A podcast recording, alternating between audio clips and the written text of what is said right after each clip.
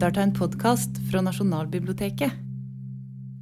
Hi, everybody, and welcome to the National Library of Norway. It is a great pleasure for us to invite you to this particularly particular lecture. As many of you know, we are a library in both the oldest and the most modern sense of the word. The National Library, where we are at, hosts the memory of Norway, from the oldest books, starting with the law of Magnus Lagabøte from the 13th century until the internet. We have the manuscripts of Ibsen's and the letters of Collett. In the magazines underneath us and in the mountains of Rana, you will find it all, shelf after shelf. But we are also a library of 2.7 million digital objects. We digitalize in a speed inspired by and competing with Google, and we try to give access to the public to as much of, this material as possible. So we do not only keep bookshelves, but also digital bookshelves. Today and tomorrow, we have the honor of hosting a guest not only fitted to the way we think as a library, but also one of the inspirational sources for our thinking. Robert Darnton is perhaps the world's leading library scholar and theorist of today. He just left the position as director of Harvard University Library. He's a trustee of the New York Public Library, and is perhaps the world's foremost book historian. He has a long career as an historian at Princeton University for I think about 37 years, earning him scholarships and prizes all over the world. Amongst them, I can only mention a few the MacArthur Prize Fellowship, a National Book Critics Circle Award, election to the French Legion of Honor, the National Humanities Medal, conferred even by President Obama as late as 2012, and the Del Duca World Prize in Humanities, awarded by the Institute of France in 2013 and these are only a few. And also, he has produced a long series of books read by scholars and the public alike. He is an expert on French pre revolution history, and his books about the cat massacre, translated to at least 18 languages, languages was groundbreaking. And if this was not enough, he is also a leading spokesperson and thinker around public access and has been working for years with democratization, open access, and the possibility that lie within the new digital technology when we adapt it to libraries. Darnton is going to be with us for two days. Tomorrow, he will be the keynote speaker on a seminar on the history of censorship and the book. His most recent book was about censors at work, about the structures of censorship in three different eras. But today, he will talk about the World Library, about how and when libraries can use the technology of our time to our advantage. For us at National Library, it is, as I said, a great honor to have Mr. Darnton here. Also, it is with great anticipation we are looking forward to his lecture, to learn and yet again to be inspired by him. A warm welcome to Robert Darnton. The stage is yours.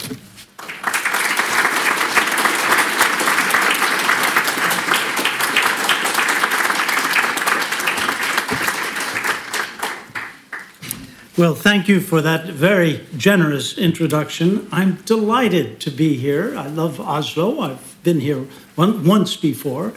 Uh, and actually, uh, I take inspiration fro- from the Norwegian example, as you will see. So I hope we'll have time for questions and discussions about something that we all care passionately about, namely public access to knowledge.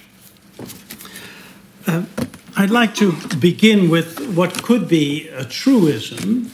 Uh, that is that, uh, of course, the book is not dead. Of course, libraries uh, are not obsolete. You hear about this all the time the death of the book and so on. And that is, of course, garbage. Books are doing very well, and I'm happy to announce that in the United States, the sales of electronic books have actually gone down 10% in the last year. I'm all in favor of electronic books, but the printed book is selling better than ever. And in my view, they are not enemies, they're not opposed, they are complementary. So I think there's a lot of false consciousness about this world of books and libraries. Uh, I think that books and libraries will continue to flourish as far as we can see into the future if we can get that future right. Uh, so I want to develop this argument by looking backwards at the history of libraries and then forwards into plans for a new kind of library in the United States, the Digital Public Library of America. You'll see what's behind these strange images in a minute. Now, the historical importance of libraries may seem obvious. If you take a tour of a typical American campus, you will instantly get the point. The library stands at the center of the campus, usually, and it occupies a corresponding place at the heart of the university's intellectual life. It pumps intellectual energy into every corner of the campus, including laboratories where scientists consult journal articles on their smartphones without knowing that these articles come to them through the library, which pays a great deal for them. At Harvard, the university owes its name to its library, a collection of 400 books, which uh, were left in 1638 to this new, brand new academy by a certain John Harvard. We know very little about him, but suddenly in 1638, this tiny academy had the largest library 400 books in North America. Today, 377 years and nearly 20 million volumes later, we recognize that the university's greatness has derived above all from the intellectual riches built up over many generations in its library, the, library, the largest library, university library in the world by far. But I don't mean to indulge in what I call institutional bragging. You know, that happens when we librarians get together. How many incunabula do you have? How many ebooks do you have? Uh, instead of indulging in that sort of play, I would like to ask a question. Shouldn't Harvard's library and the holdings of other research libraries be considered as a national and, in fact, as an international asset? Shouldn't their intellectual wealth be shared?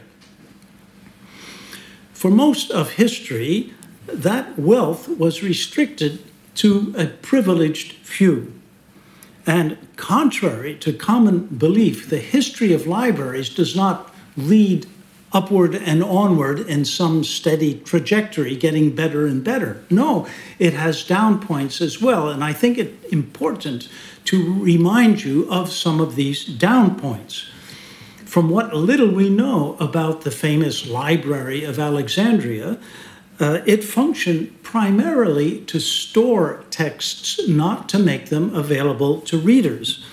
True, it admitted a few scholars, we don't know much about it, but its main purpose probably was to embody the prestige and glorify the dynasty of the Ptolemaics. And the same principle applied to the Chinese attempt to have all the books in the world, in the Chinese world, of course. Uh, a Qing emperor, Qianlong, set out to do this by confiscating books from his subjects on a gigantic scale between 1772 and 1778.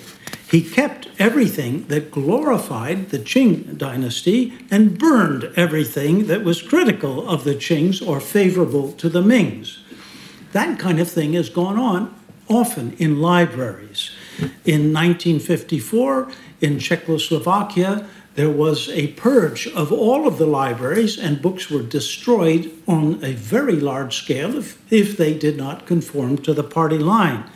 And that destruction was trivial compared with the 24 million books destroyed in the Soviet Union uh, during the Stalinist terror of 1938 to 39. So we shouldn't just congratulate ourselves. We have libraries, they're wonderful places, but they have not always been devoted to making knowledge available to the general public. Of course, we owe a great debt to our universities for preserving books back into the Middle Ages. Um, they contributed, obviously, to civil, civilization, but they kept their books behind locked doors and walls, uh, which, of course, removed them from outsiders. When I was a student at Oxford, the massive gate of my college slammed shut at 10 o'clock. And if you were outside the walls, too bad for you, you had to climb in them. But climbing these walls was a daunting experience. They were 10 to 15 feet high and covered at the top with spikes. Uh, there were a few sort of secret passages in. And what you see in this photo is me, I'm the top person, uh, trying, trying out one of the passageways uh, which you could, where you could slip through a row of revolving spikes underneath other spikes in order to get in after 10 o'clock at night. So, as an accompaniment to the rest of my remarks, I just show you some walls and spikes from Oxford to illustrate the point that libraries kept outsiders outside and kept their intellectual wealth inside these walls. So here are some outsiders looking in. And of course, knowledge was reserved for the elite.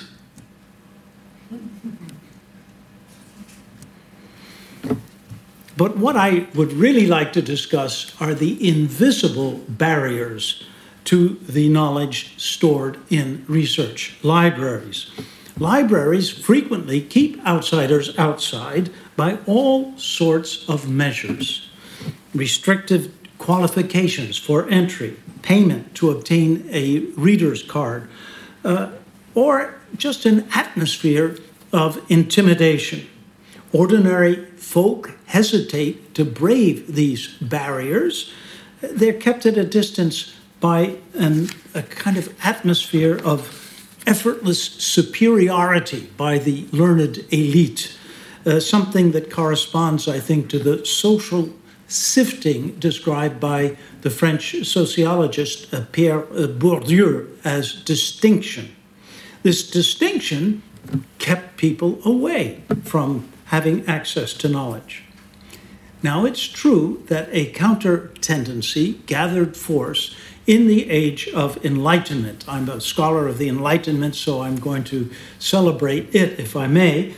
Uh, that's when philosophers like Condorcet understood the diffusion of knowledge to be the most important force in history, pushing things forward and promoting progress. That faith was shared by the founding fathers of the United States. Uh, Notably, Condorcet's friend, Thomas Jefferson, who declared, I quote, the field of knowledge is the common property of mankind, end quote. As the founders understood it, the health of the republic depended on a well informed citizenry, and the spread of light was commensurate with the reading of books. Sounds wonderful, but it also sounds utopian unrealistic. Still, it helped inspire the opening up of libraries, which was a next stage in a general process.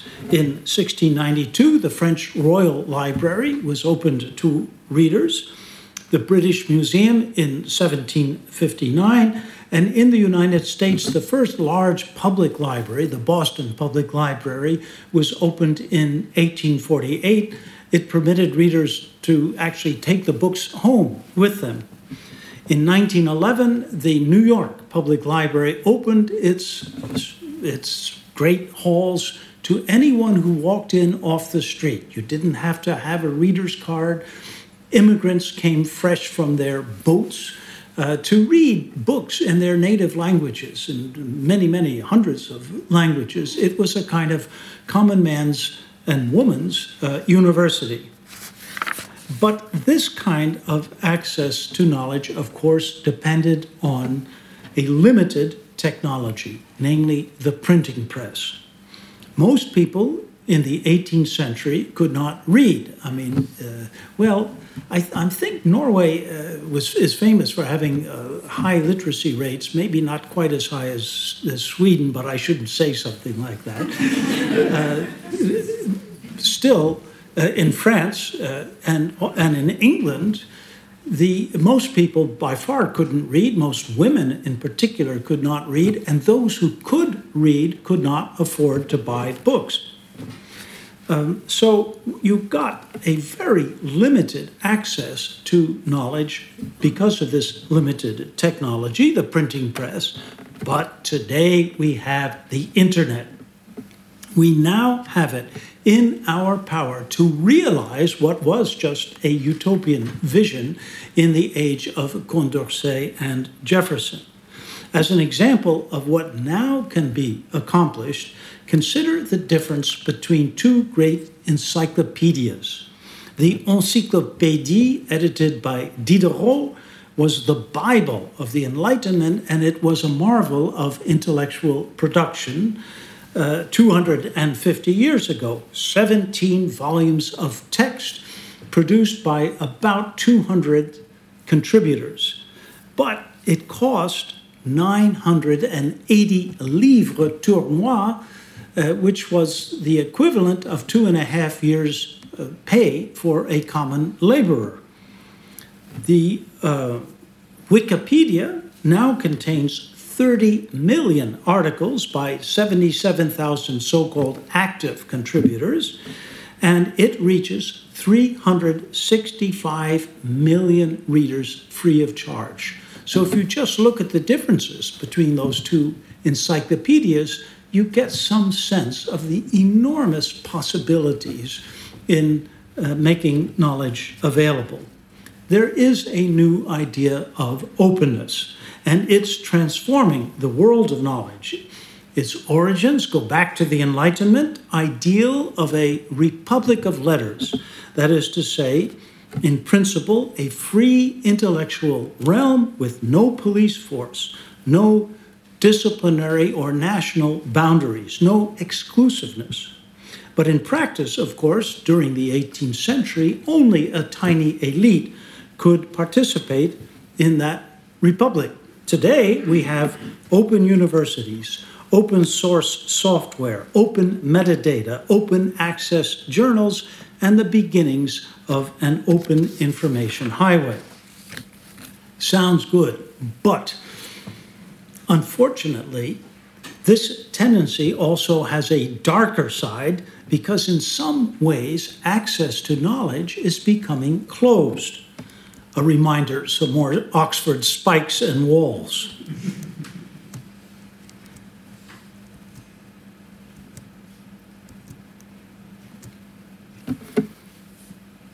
What I ask you is the cost of an average year's subscription to a chemistry journal today.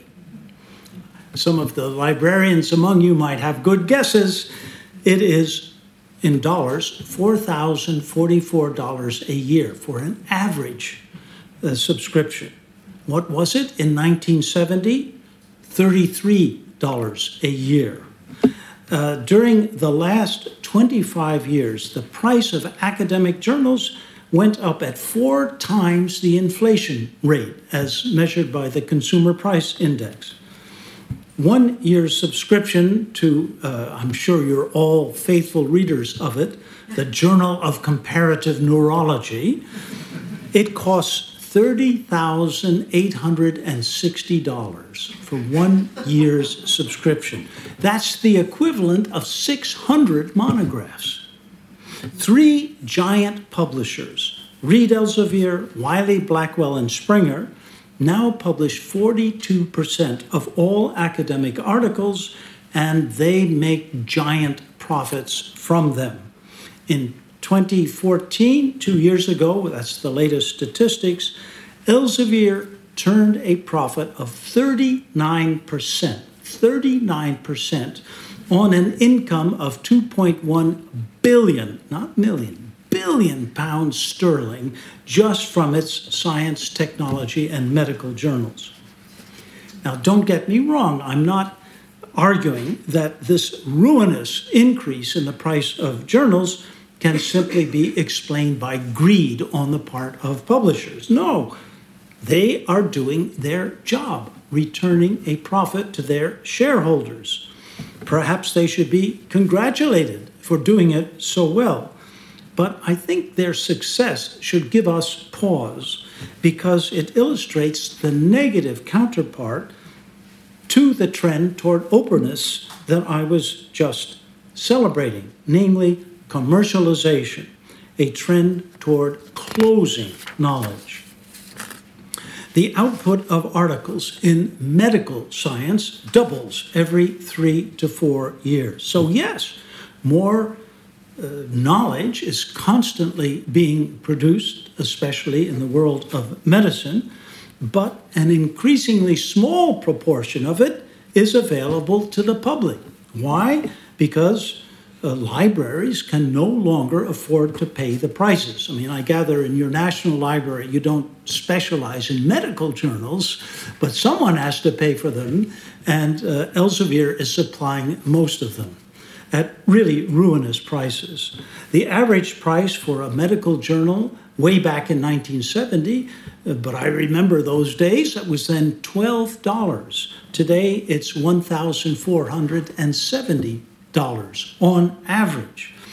All over the United States, but I think also to a certain extent in Norway, libraries are canceling subscriptions because they just are caught between decreasing budgets and increasing prices.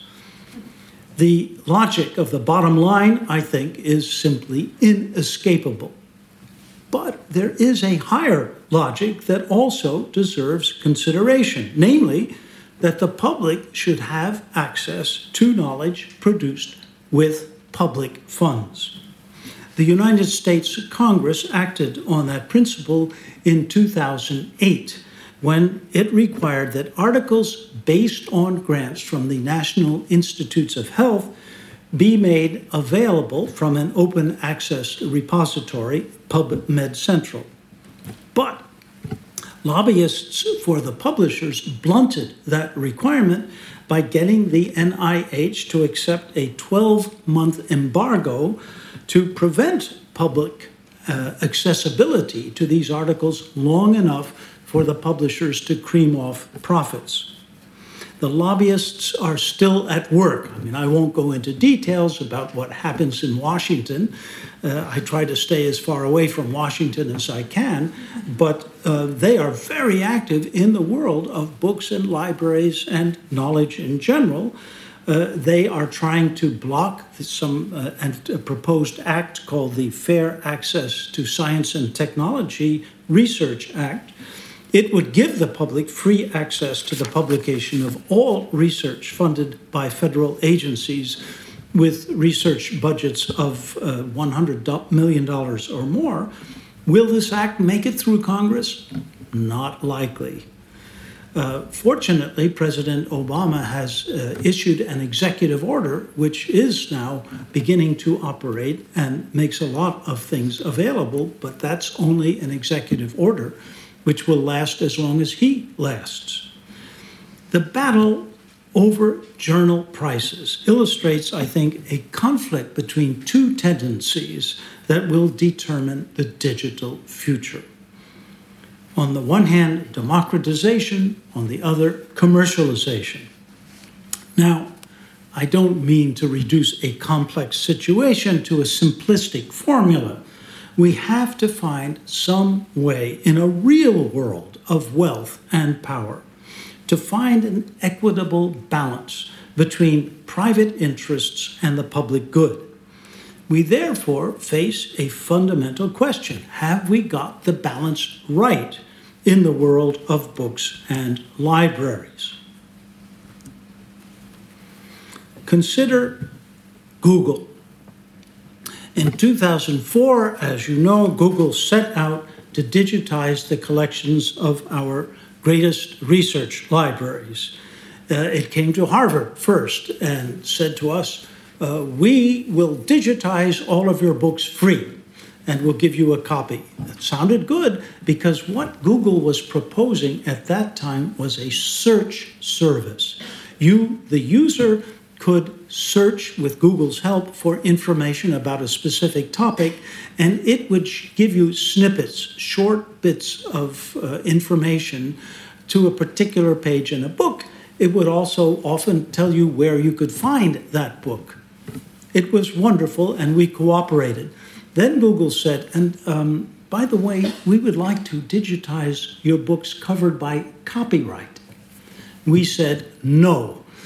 But the uh, Stanford, uh, the University of Michigan, the University of California all said yes. And so Google began digitizing copyrighted books on a very large scale, and it was instantly sued for breach of copyright.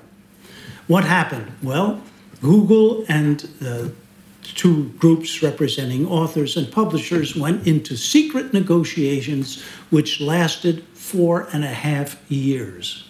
And they came out at the other end with something called the settlement.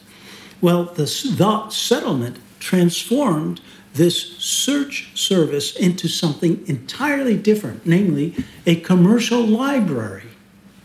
So Google now proposed that we libraries should buy back digital copies of our own books at a price to be set by Google and a price that could spiral out of control just as the price of subscriptions to journal articles did. There was no provision for any public uh, supervision of this. The public wasn't involved in any way, it was just a commercial speculation. Well, we had a lot of polemics. Uh, uh, I won't go into the details, but fortunately, a federal district court in New York declared Google Book Search, the name for this settlement, illegal. Why? It violated the Sherman Antitrust Act.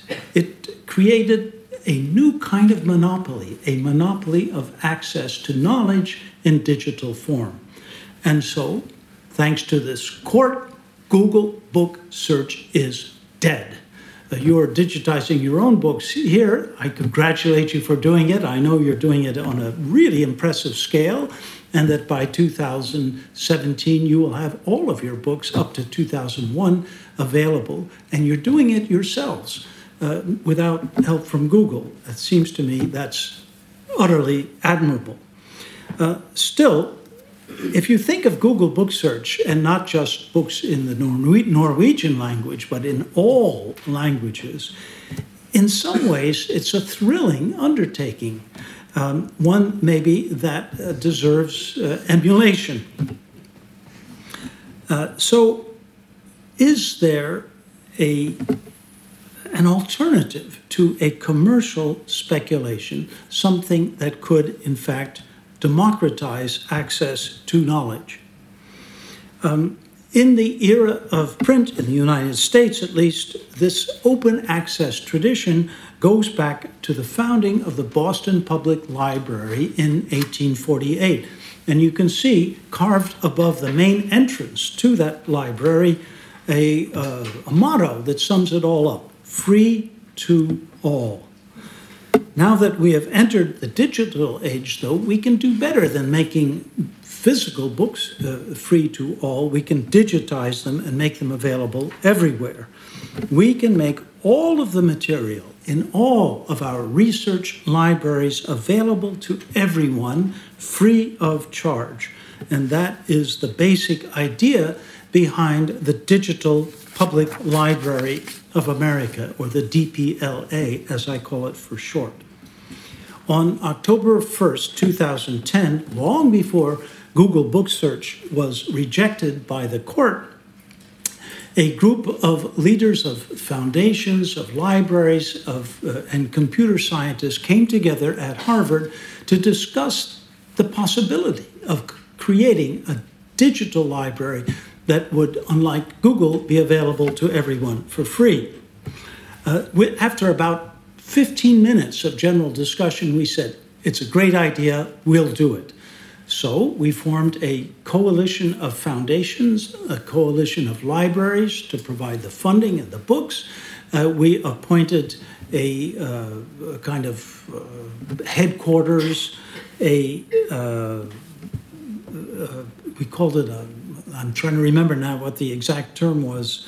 Um, a steering committee, a secretariat with a small staff, uh, and then we created work groups scattered all over the United States.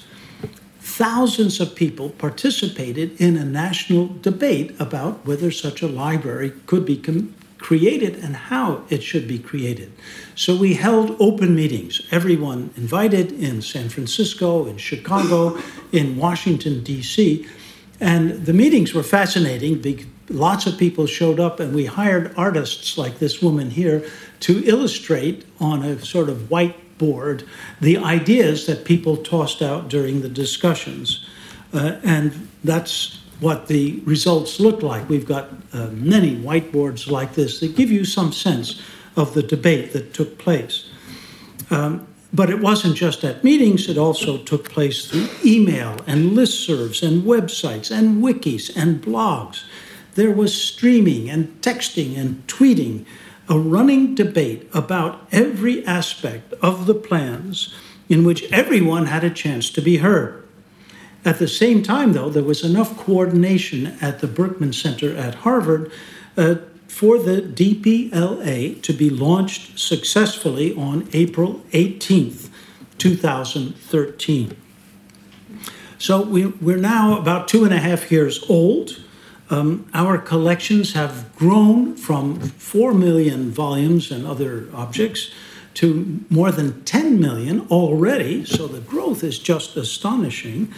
Um, and these uh, volumes, if you want to call them that, digitized volumes, come from 1,600 institutions located in all 50 states of the United States. They're being very widely used millions of millions and millions of visitors have uh, consulted the DPLA's website. It is, by the way, dp.la, very easy for you to find. And these people come from every country in the world except three. You can probably guess them North Korea, Chad, and Western Sahara, which isn't really a country. The DPLA's collections exist uh, uh, in more than 500 languages. So, this is what the uh, website looks like. You can click on it and call up the text of books, but you can do much more. You can browse through all of the collections by place and by time. Um, so you click on a, on a place and then you call up all of the books related to that place, or you follow a a timeline and you can get the corresponding books. You can also wander through virtual exhibitions, which turned out, somewhat to our surprise, to be very popular teaching tools, especially in secondary schools. Um, you can also make use of all kinds of apps, which are constantly being grafted onto the system by independent innovators, people who, that have nothing to do with the DPLA. They get a bright idea, they attach it to our API, and uh, it becomes available to everyone.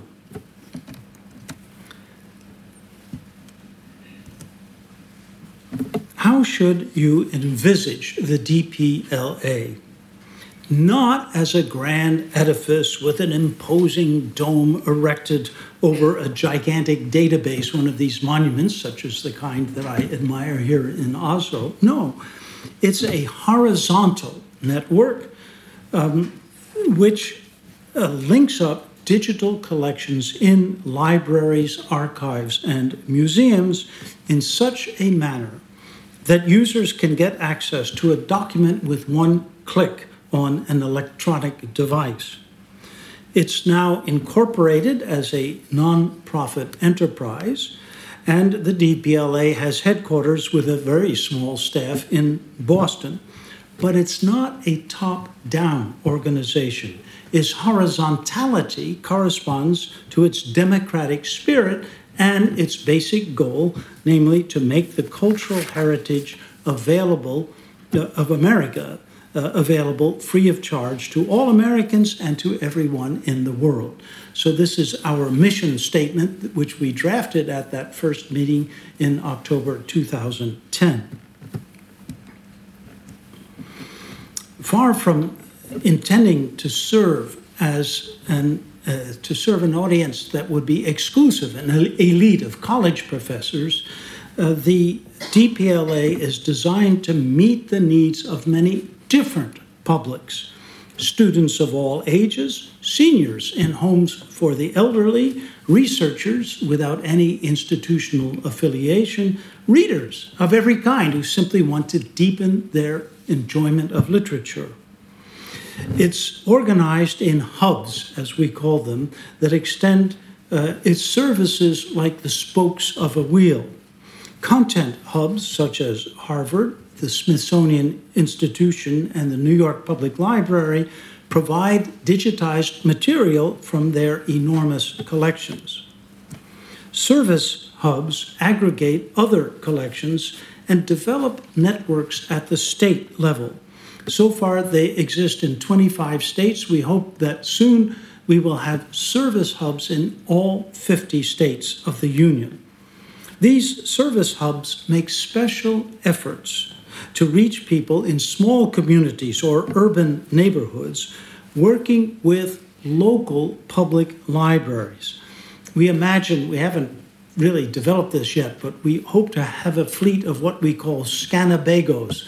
You know, a Winnebago is a kind of truck in the US, and we want to put scanners in the back of this truck and drive them out to small libraries in rural settings or urban neighborhoods where everyone can be invited to bring material in. We, will, we work with the local librarians, and they are wonderful people who are very enthusiastic about the DPLA. So, in a small community, uh, the public librarian will appeal to people to bring in material from the trunks in their attics. Uh, it could be high school yearbooks or photograph albums or letters written uh, from the, the, front during the war, anything that uh, is of local interest. The uh, person connected with the service hub will work with the local librarian to uh, scan the material, to, to create the correct metadata, to curate it, to preserve it. And so we imagine that the community's consciousness of its own culture and its own history will expand as people participate. And in turn, all of this material will be integrated in a national and, in fact, an international system. Now, of course, the DPLA cannot reach um, every town in the United States it relies on volunteers, including a small army of what we call community reps. They stimulate activities within designated areas. We now have 300 volunteer community reps scattered through all 50 states. And the DPLA is also developing a program with special funding to train librarians in public libraries to acquire the special skills that will be needed to launch digital projects in their communities. So let's take a uh, typical state, Minnesota, lots of Norwegians in Minnesota. Here is an example of material available to users who are interested in the state, maybe in the Norwegian heritage, or just in agriculture and agronomy. You click on a, a particular site, uh, that site grows as the service hubs extend their uh, services to public libraries, and soon you can get a really quite remarkable uh, information about the subject that interests you.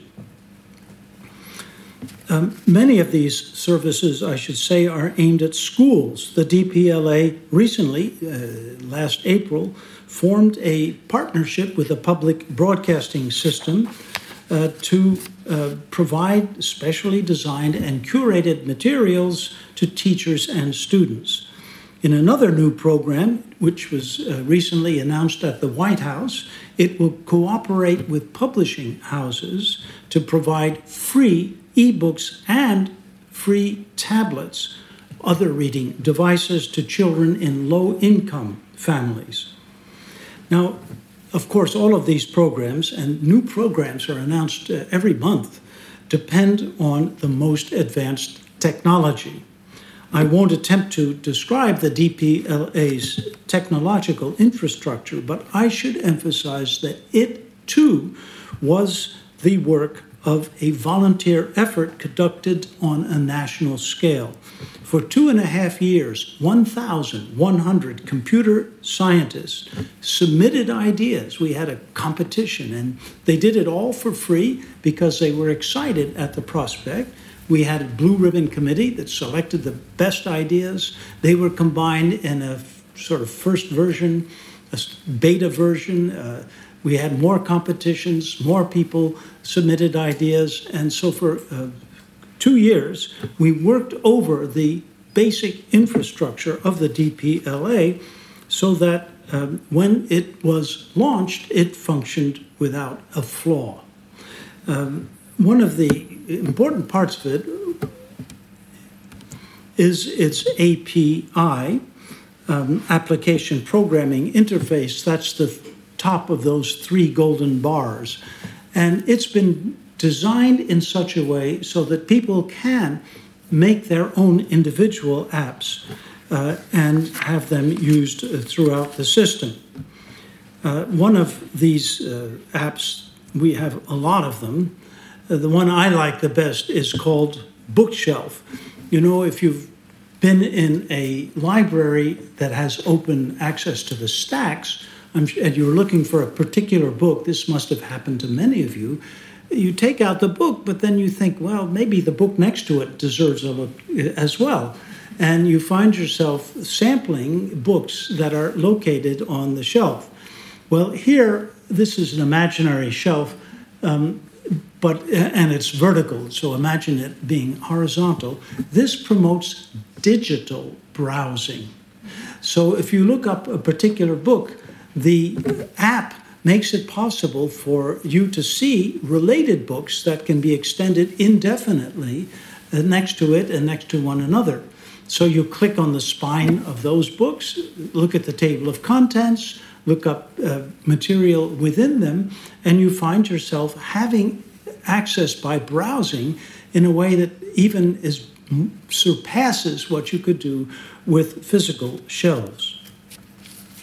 So we've got lots of apps, and people are quite imaginative. This is one a sort of collage of, uh, of images about guitars. Um, there's another about Chicago, in which you can zoom in and get lots and lots of information on um, particular neighborhoods in Chicago, and so on. These are outreach projects um, the DPLA wants to engage with its readers instead of simply making the material available to them and waiting for them to step up and use it. It seeks to interact with them and to enlist them in shaping its growth. Well, of course, the DPLA faces lots of problems. Having depended, and you probably have questions about them, um, we depended on foundations, private foundations, uh, from the beginning. Um, and of course, we need to develop a long term business plan, although our immediate financial future for the next five years is perfectly secure, and foundations are actually eager to give us money. The technology requires constant maintenance and improvement. And um, as the DPLA increases in size and scope, it must resolve issues of governance and administration. Um, it's a not for profit corporation with a board of trustees and so on. Um, its largest problem, though, believe it or not, is legal. The DPLA must respect copyright. But copyright, as you know, now covers uh, books for the life of the author plus 70 years, which in practice is more than a century. That means that most literature from the 20th century, everything after 1964, and most books published after 1923, is excluded from the DPLA's collection because these books are not yet in the public domain. How can we deal with this problem? Well, we need help. I mean, if you have some good ideas, especially Norwegian ideas, we are takers. And I uh, had a session this morning with several of you, and uh, I'm find that I find the Norwegian example very inspiring. Uh, but of course, we have to work within the legal constraints of the United States. And that means dealing with case law as it evolves through litigation and in particular, the, through the expansion of what we call fair use. Now, I don't think you have that in Norway, do you? Uh, it's, a, it's a peculiar uh, part of the Copyright Act in, uh, of 1976. And it means that for certain purposes, you can make books available, copyrighted books, without the permission of the copyright owner. Courts are now inclined to uh, make that those purposes, uh, to take into account wider purposes than they were uh, some years ago. Uh, another uh, possibility is uh, what you call and we call an extended collective licensing agreement, if you like, on the Norwegian model. Um, the trouble is that requires legislation. You've got the legislation here. How you did it, I don't know, but you do have it, and we have no Kopinor. I wish we did. So if you've got advice about how a, a U.S. Kopinor could be created, uh, I'm a taker. For the moment, however, the DPLA is hoping that authors will voluntarily turn over the use of their copyrights uh, to the DPLA after the commercial viability of their books has been exhausted we've created a new organization called the Authors Alliance. It's just been launched, and it's a campaign to persuade authors to make their books available online at some point after publication through the DPLA and a Creative Commons license. So far, the response has been encouraging. I mean, it may sound naive. You could say, you're asking for charity on the parts of authors, but the commercial life of a book is very limited. Most books stop selling after a few weeks. Almost all books stop selling after a year or two. You could create a moving wall and say that every book after the year 2000 uh, is protected, but each year, uh, progressively more of these books will be made available. What do authors want? After they can no longer make money from the sale of their books. They want readers. So I think the Authors Alliance actually is not an appeal for charity. I've given two of my own books, made them available free, and uh, I don't feel that it's charity in, at all. It's it, it's it's getting access to more readers. So I do see some possibilities along those lines. Despite the pressure of commercialization, therefore, the DPLA has tapped a vein of public spirit that is both idealistic and pragmatic.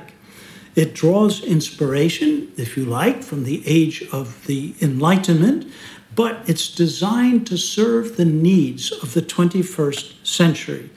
And at a time of disgust with the dysfunction in Washington, it has proved that we can get things done by independent initiative.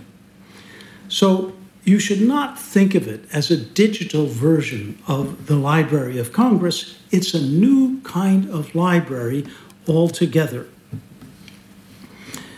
Not just in its technology, but also in its organization and in its spirit.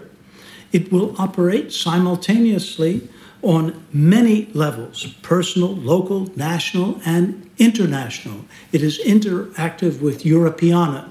Uh, so uh, the uh, international uh, spread, I think, of this material is guaranteed. Um, it's already functioning successfully and it will continue to acquire new functions with ever expanding collections for many generations. Technology will also continue to change, and of course, the DPLA will have to keep up with technology far into the future. But if we can get it right now, we can help shape that future. For the first time in history, we can make the cultural heritage of humanity available to all humans. We have the technology, the know how, the resources, and the will. We've taken the first steps, and now we have to get the job done. Thank you.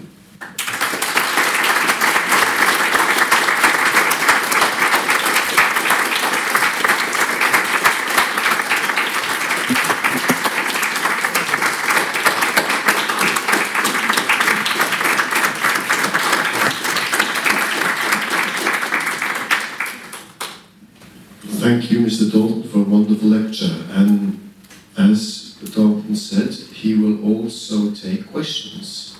So now is the time where you can ask all the things you wonder about this or whatever else from his work. We have, I think we have two microphones here. Eline will move the one and I will move the other.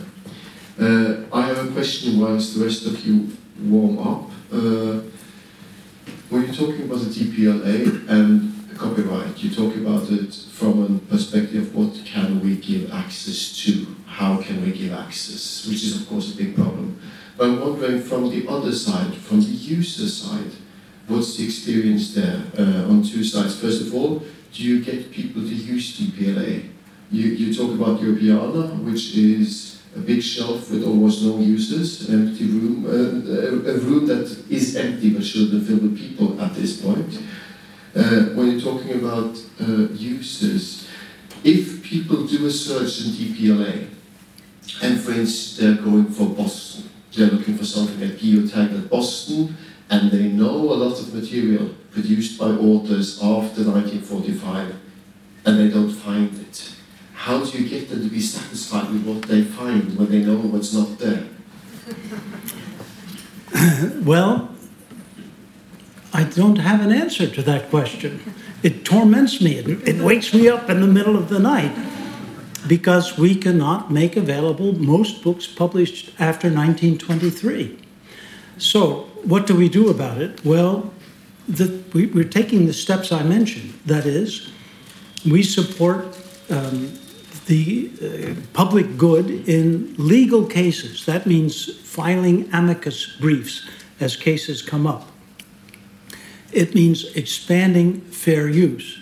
Now, how do you expand fair use? Well, uh, the University of Michigan uh, began digitizing books covered with copyright and making them available, first of all, to people who are visually impaired, quasi blind or blind. And believe it or not, the, the uh, Authors League uh, uh, sued the University of Michigan for breach of copyright. Uh, it didn't make the Authors League look very generous, and the court tossed out the suit. Then the University of Michigan began making some of these books available to students for pedagogical purposes. And we have a big debate now that, uh, that turns on questions such as Is there market damage to the owner of the copyright? Well, if the book isn't selling anymore, where's the market damage? And the DPLA is a not for profit organization, whereas Google is very much a for profit organization. So the purpose can be taken into consideration. And I think we will find the courts gradually uh, supporting a wider and wider construal of fair use. What else can we do? Well, the ideal, of course, is copyright, a new copyright law. I, uh, I won't bore you with the history of copyright legislation in the United States. The last Copyright Act, uh, the Act of 1998, was called the Mickey Mouse Copyright Extension Act because Mickey was about to lose his copyright, and Hollywood did not like this. It lobbied, and so uh, there was more extension in the power of copyright. But the first Copyright Act, which was passed in 1790, I think was rather good. It extended copyright for 14 years, renewable once, on the English model, the Act of Statute of Anne in 1710. Well, I'd like to go back to 1790 in that respect. But of course, Congress won't do this.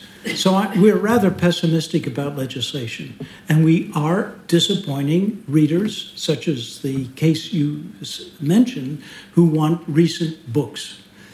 It's a problem, um, and we have to work on it, but we've got pretty smart lawyers in our camp as well.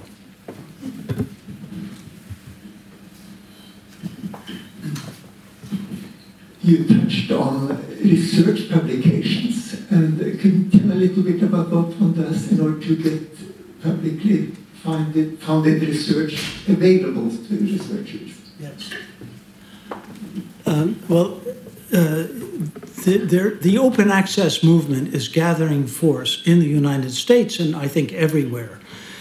So uh, at Harvard, we uh, had a big debate about what we see, we in the library see, as the obligation of researchers to make their research available free of charge. Now, as I said, in 2008, the National Institutes of Health put, made this a requirement. Um, and if you did not deposit an article in medical science in PubMed Central, uh, the National Institutes of Health would not fund your next application. So that was quite an incentive. However, uh, Elsevier moved in and required a 12 month embargo. So this was not very effective in actual fact. What we did at Harvard was to have a debate about the principle. And in February 2008, we had the first meeting of the Faculty of Arts and Sciences, uh, and it voted unanimously to require every professor to deposit a, the author's final copy of his or her uh, article in a digital repository, which we in the library then created. It's called um, uh, Dash, D A S H. And we got high compliance. The real, I mean, there are many such projects, but the compliance rate is usually under 5%. Ours is over 50%. And you know, we get a report every month on readers of these digital versions of articles.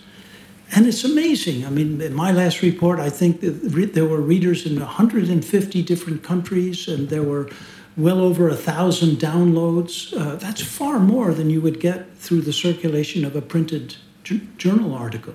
So, at the level of journals, uh, the open access movement is really spreading, and we've created an organization uh, among the Ivy League colleges and others to subsidize processing costs for authors who publish in open access journals.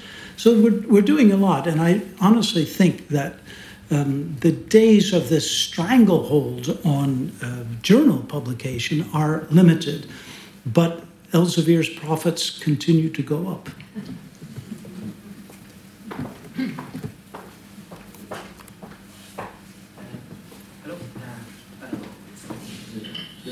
Hi. Yeah, my name is Ivan Rostock, work here at the National Library. Um, I think it's uh, very fascinating to hear your, your talk, and I'm, I'm very inspired by the work you, you've done with uh, DPLA. Uh, and also, uh, but you, you passed very quickly over this issue around Google in your in your talk now. I, I want to go back a little bit to that because I've tried to read some of your uh, um, articles on this Google issue through I remember, in, the beginning you were quite positive to the Google Books initiative, and, and I think also in the beginning that the people, the creators of the Google Books initiative, share many of your same ideals with access to all and, uh, and so on. And, and, and things seems to have, have changed the whole affair. It's, it's, it's quite complicated, but, but at the same time, in, in our daily life, um, um, Google search is, is one of the most important search engines, and, and, and we all sort of more or less have to, have to use it, and, and, and, and they direct us usually to, to their own sources, their own books, and their own digitized copies, of course. Um, and, and, and it's easier, yeah, DPLA doesn't get as much hits as, as, as the, the Google Books, etc. So there, there, are many complicated structures we have to work with. And I was wondering, um, um, there, you know, there are a lot of people in the Google organization which thinks, think like you do. Uh, so I, I, was wondering, have you given up on all kinds of dialogues with Google on these issues, or, or, or is there a, a, a way of, of working on, on what is, after all, the biggest repository of digitized books in the world right now, I think? Is it possible to somehow see a future together with, with Google Books? And, and, and as from a European standpoint, I think it's, you know, in Europe we have all these traditions for working through, through, through public and state-funded uh, initiatives. And I find it interesting to see how you do this through, through private and commercial initiatives in the, in the United States. So in the beginning, I was also very positive to Google Books, and, and, I, and I find it that you should be in a position to really negotiate with private and commercial enterprises like Google Books, but you, you passed very quickly over it now, yes. like it was a dead, dead end or something. Is it really a dead end? well, um, Google Book Search, in the strict sense of the word, is dead. That is to say, Google cannot legally create a commercial library and charge money for access to copyrighted books. However, Google Books exists, and that means it's like Amazon. Google cooperates with publishers and makes available digitized versions of texts which you can buy. But that's a, a retailing service. It's very far from creating a universal library, which was the wonderful initial goal of Google. So, what happened along the way? Well, the people at Google say we we collided with copyright and we could not change things. It, it, be, it became a very complicated legal suit, what we call a class action suit. Um, and Google was claiming to act for all the classes of authors and publishers. If it had succeeded, um, it would have established a spectacular library, but it would have been a commercial library. Now, can we cooperate with Google? For a non commercial purpose? I hope so. Uh, Google has not only a lot of money, they have wonderful engineers. And I would love Google to come and work, work with the DPLA to, to improve our infrastructure. They come up with new ideas all the time. It's not impossible um, they don't, Google does not like me personally, so I would have to hide in the background. Uh, and I've had polemics with Google and I've, I've, I've debated with their lawyers. Uh, and, you know, they think this college professor doesn't understand anything and we're not bad, we just uh, want to digitize all the books in the world. Uh, so I, uh, I would not be part of any such uh, agreement, I think, but that's fine. What matters is getting access. So, I mean, Google does make now uh, snippets available legally uh, in many cases. In Europe, Google uh, tries to cut deals with particular libraries. I mean, it's interesting that here you don't haven't worked with with Google, but as you know, the great great library in Munich um, cut a deal with Google and is making all of its books available for Google to digitize. The Bibliothèque Municipale of Lyon um, gave let Google in, and Google is digitizing all its books. It's a great library with a 25-year exclusive agreement. So for 25 years, none of these digitized books will be available to anyone. That's the way Google often operates. Um, and they have they know how to turn these exclusive uh, the, the exclusive database to their profit. So I hope that Google will, um, if only for reasons of PR for its good name, cooperate with the DPLA. Uh, but they don't answer my letters.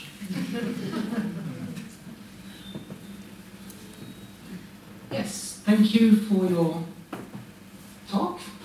Um, I was wondering if you could um, elaborate a little bit about how come Stanford and the uh, uh, other libraries you were talking about, how come they let Google in? How come it seems that they don't know about or really care about uh, copyright or uh, public access? For starters, the two founders of Google uh, went got their PhDs at Stanford. And one of them, Larry Page, was a, an undergraduate at the University of Michigan, which also opened all of its great collections to Google. Uh, the uh, personal collections is part of it. You know, it's hard for us to think back to the beginning of the internet, which, after all, was only 1991. Uh, now, uh, everyone thinks, well, of course, we can digitize on a mass scale and make things available. But when Google first came to libraries and said, we will digitize all of your book, books, libraries were just swept away with enthusiasm because we didn't have the money to do it ourselves. And we saw this great company that was hiring our best students every year, uh, willing to do it for free. It sounded great, but of course, uh, what they digitized were, was enormously valuable. I mean, Harvard's collections, as I said, have been built up generation after generation at enormous cost and expertise since 1638. So Google had a good deal in getting free access to this. Some people said we should charge them for that. Uh, but it didn't happen. And I think that Stanford is, you know, located so deeply in Silicon Valley, and these people are, you know, move back and forth between Google and Stanford University all the time. That that's not surprising. Uh, and in the case of Michigan, I mean, the head of Michigan's library disagrees with me. He thought it was a good idea in the first place. Um, but he has reservations as well when he found how hard Google bargained during these secret negotiations. So, why did other libraries do it? Well, the temptation was enormous, and library budgets are very limited. And we have two more questions, and after those two questions, I think we'll uh, round it up. So I'll take the two questions after each other and then give the word back. All right? Uh, thank you. Um, I just wonder uh, whether you digitize uh, other media like uh, audio, and films, and yes. Uh, such. Uh, yes, we are working with museums. Um, there is an outfit called Artstor, you may know. So we have a, a vast number of images available free of charge. Um, we uh, are going to deal in all media. Film is tough because it's so expensive to digitize film and to preserve it. So I think we're lagging at, uh, in making film available, but we are definitely intending to deal in all of the media. My own view is let's get the books and the manuscripts out there first and prove that we can provide a good service and then expand it. But if you're an art historian, you will have access to hundreds and hundreds of thousands of images.